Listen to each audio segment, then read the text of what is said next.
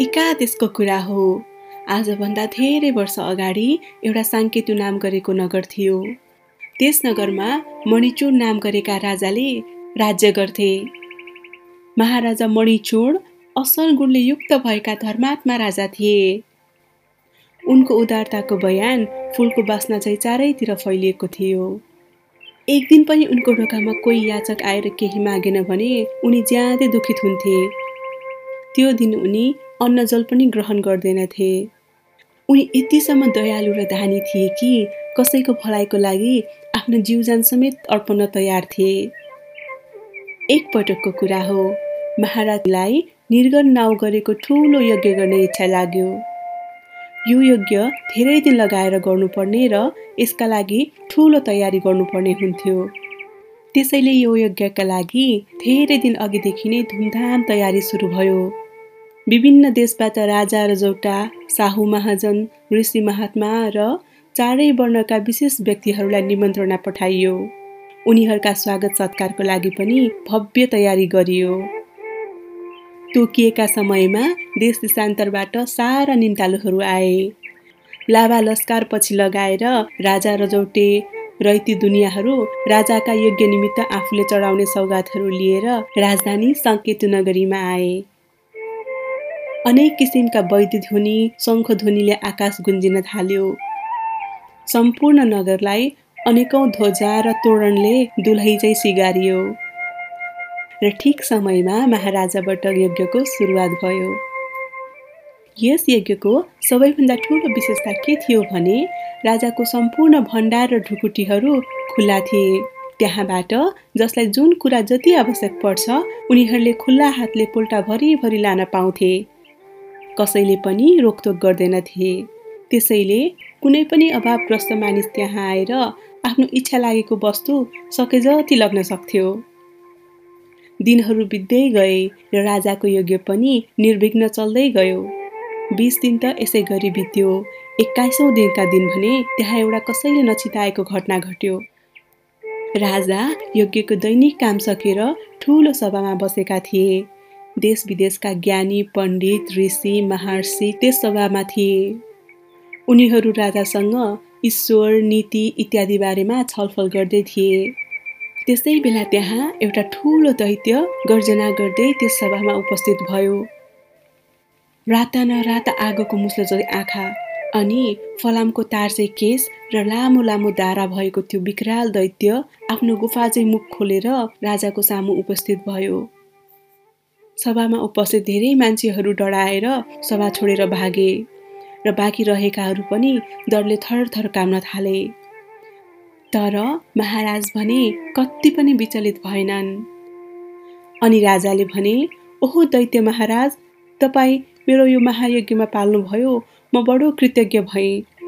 राजाले बडो विनम्र भएर भने भन्नुहोस् कुन इच्छा लिएर पाल्नुभयो? तपाईँको इच्छा पुरा गर्न पाउनु मेरो अहोभाग्य हुनेछ। राजाको मधुर वचन सुनेर दैत्यले भयङ्कर स्वरमा भन्यो महाराज तपाईँले जसले जे माग्छ त्यही कुराले तृप्त बनाउनु पर्ने व्रत लिनुभएको छ। यही कुरा सुनेर म आफ्नो सानो इच्छा पूर्ति गर्न यहाँ आएको छु। अनि राजाले सोधे भन्नुहोस् दैत्यराज मसँग भएको कुनै पनि कुराले म तपाईँको इच्छा पूर्ति गर्न पछि हट्ने छैन। तपाईँको के इच्छा छ? अनि त्यसपछि दैत्यले आफ्नो इच्छा प्रकट गर्यो महाराज म बाह्र वर्षदेखि भोकै छु। मलाई अरू केही चाहिन्न। तृप्त हुने गरी भोजन भए पुग्छ। उनको माग सुनेर राजा र त्यहाँ भएका सबैलाई मामुली कुरा हो जस्तो लाग्यो। राजाले आफ्नो कामदारलाई यी दैत्यराजलाई नअगाउन्जेल स्वादिष्ट भोजन गराउनु भनेर हुकुम दिए। राजाका कामदारहरूले दैत्यका सामु चौरासी व्यञ्जन खाना पस्किए। तर अचम्म दैत्यले यी सबै कुरा छुँदा पनि छुएन र राजातिर हेरेर भन्यो महाराज तपाईँ किन बुझ पचाउनुहुन्छ? हामी दैत्य जातिहरू यस्ता भोजन गर्दैनौँ। हामी मानिस र पशु पन्छीको ताजा र आलो रगत खान्छौँ। मलाई साँच्चीकै भोजन गराउन चाहनुहुन्छ भने यस्तो प्रकारको भोजनको व्यवस्था गर्नुहोस्। नभए म भोक्कै फर्केर जानेछु। अनि आजबाट तपाईँ यो दुनियाँको सामु छुटो र ढोङ्गी राजा भनेर प्रख्यात हुनुहुनेछ। दैत्यको यस्तो भयङ्कर कुरा सुनेर त्यहाँ भएका सबैजना डराए किनभने राजाले अहिंसाको व्रत लिएको थिए। प्राणीको हत्या गर्नु जति ठुलो पाप उनी केही मान्दैनथे। त्यसैले दैत्यको यस्तो हिंसाको माग पुरा गर्न उनका लागि सम्भव थिएन। यस स्थितिमा उनी झुटा ठहरिने भए। राजाको यस्तो अप्ठ्यारो स्थिति देखेर सबैजना दुखी भए। तर राजा भने कति पनि हडबडाएनन्। अनि उनले शान्त स्वरमा भने दैत्यराज तपाईँको माग मेरो लागि ज्यादै भयानक छ। किनभने म अरू प्राणीको हिंसा गर्नु पाप सम्झिन्छु। तर तपाईँ धन्दा नमान्नुहोस्। म तपाईँलाई तृप्त गराएर नै छाड्नेछु।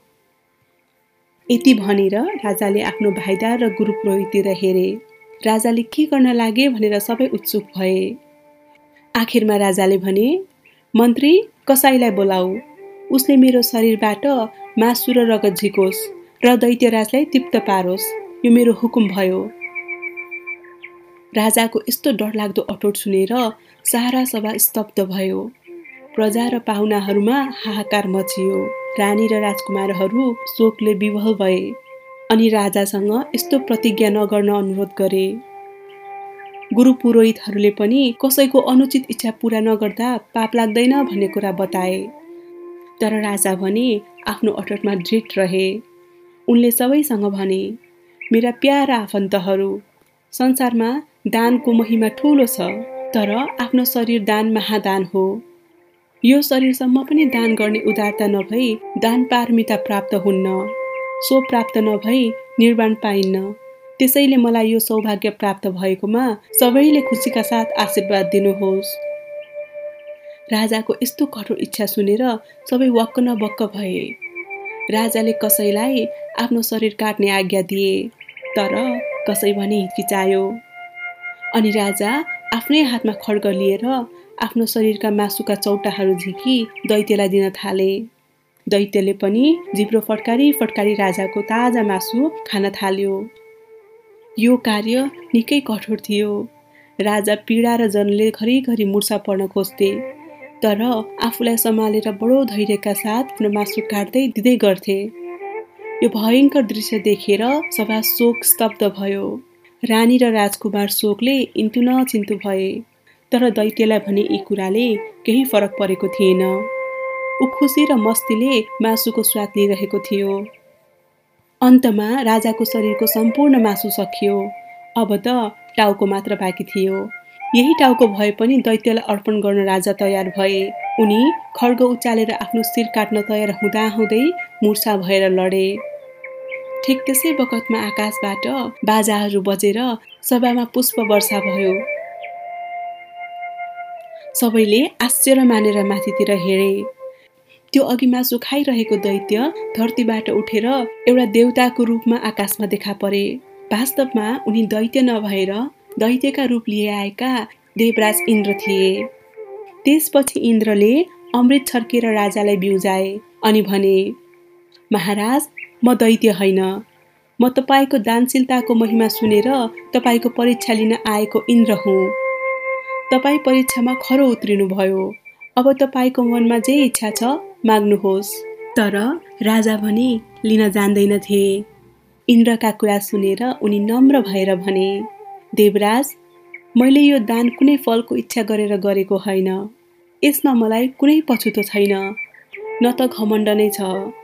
दान पारमिताबाट ज्ञान प्राप्त गर्न र यसको प्रचारबाट समस्त प्राणीको दुःख नाश गर्नु नै मेरो जीवनको उद्देश्य हो। राजाको यस्तो निश्चल र निष्काम वाक्य सुनेर देवराज इन्द्र पनि खुसी भए। उनले मृत सञ्जीवनी बुटी लगाइदिएर राजाको शरीर पहिले चाहिँ अमृतपान गराएर राजालाई अझ रमर तुल्याउने इच्छा देखाए। तर राजाले भने यसलाई पनि स्वीकारेनन्। उनले भने इन्द्रदेव मानिस सत्यताको आधारमा छ र सत्यको पत्ता लगाई प्राणीको कल्याण गर्ने उसको जीवनको लक्ष्य छ भने उसलाई स्वर्गको अमृतको किन इच्छा लाग्नु? उसको शरीर त्यही सत्यनिष्ठाले अमर हुन सक्छ। मलाई अमृतको कुनै इच्छा छैन। नभन्दै राजाको शरीर बिना सञ्जीवनी नै पुष्ट र कञ्चन भएर आयो। त्यसपछि देवराज इन्द्र लज्जित भएर क्षमा माग्दै स्वर्गतिर लागे। राजाले आफ्नो महायज्ञ सम्पन्न गरे। राजा मणिचुनले यज्ञ गरेको ठाउँलाई मणिचुण्डे भनिन्छ। अनि साङ्केतु काठमाडौँ उपत्यकाको उत्तर पूर्व पहाडीको फेदीमा पर्छ। त्यसलाई आज हामी साँखु भनेर चिन्दछौँ।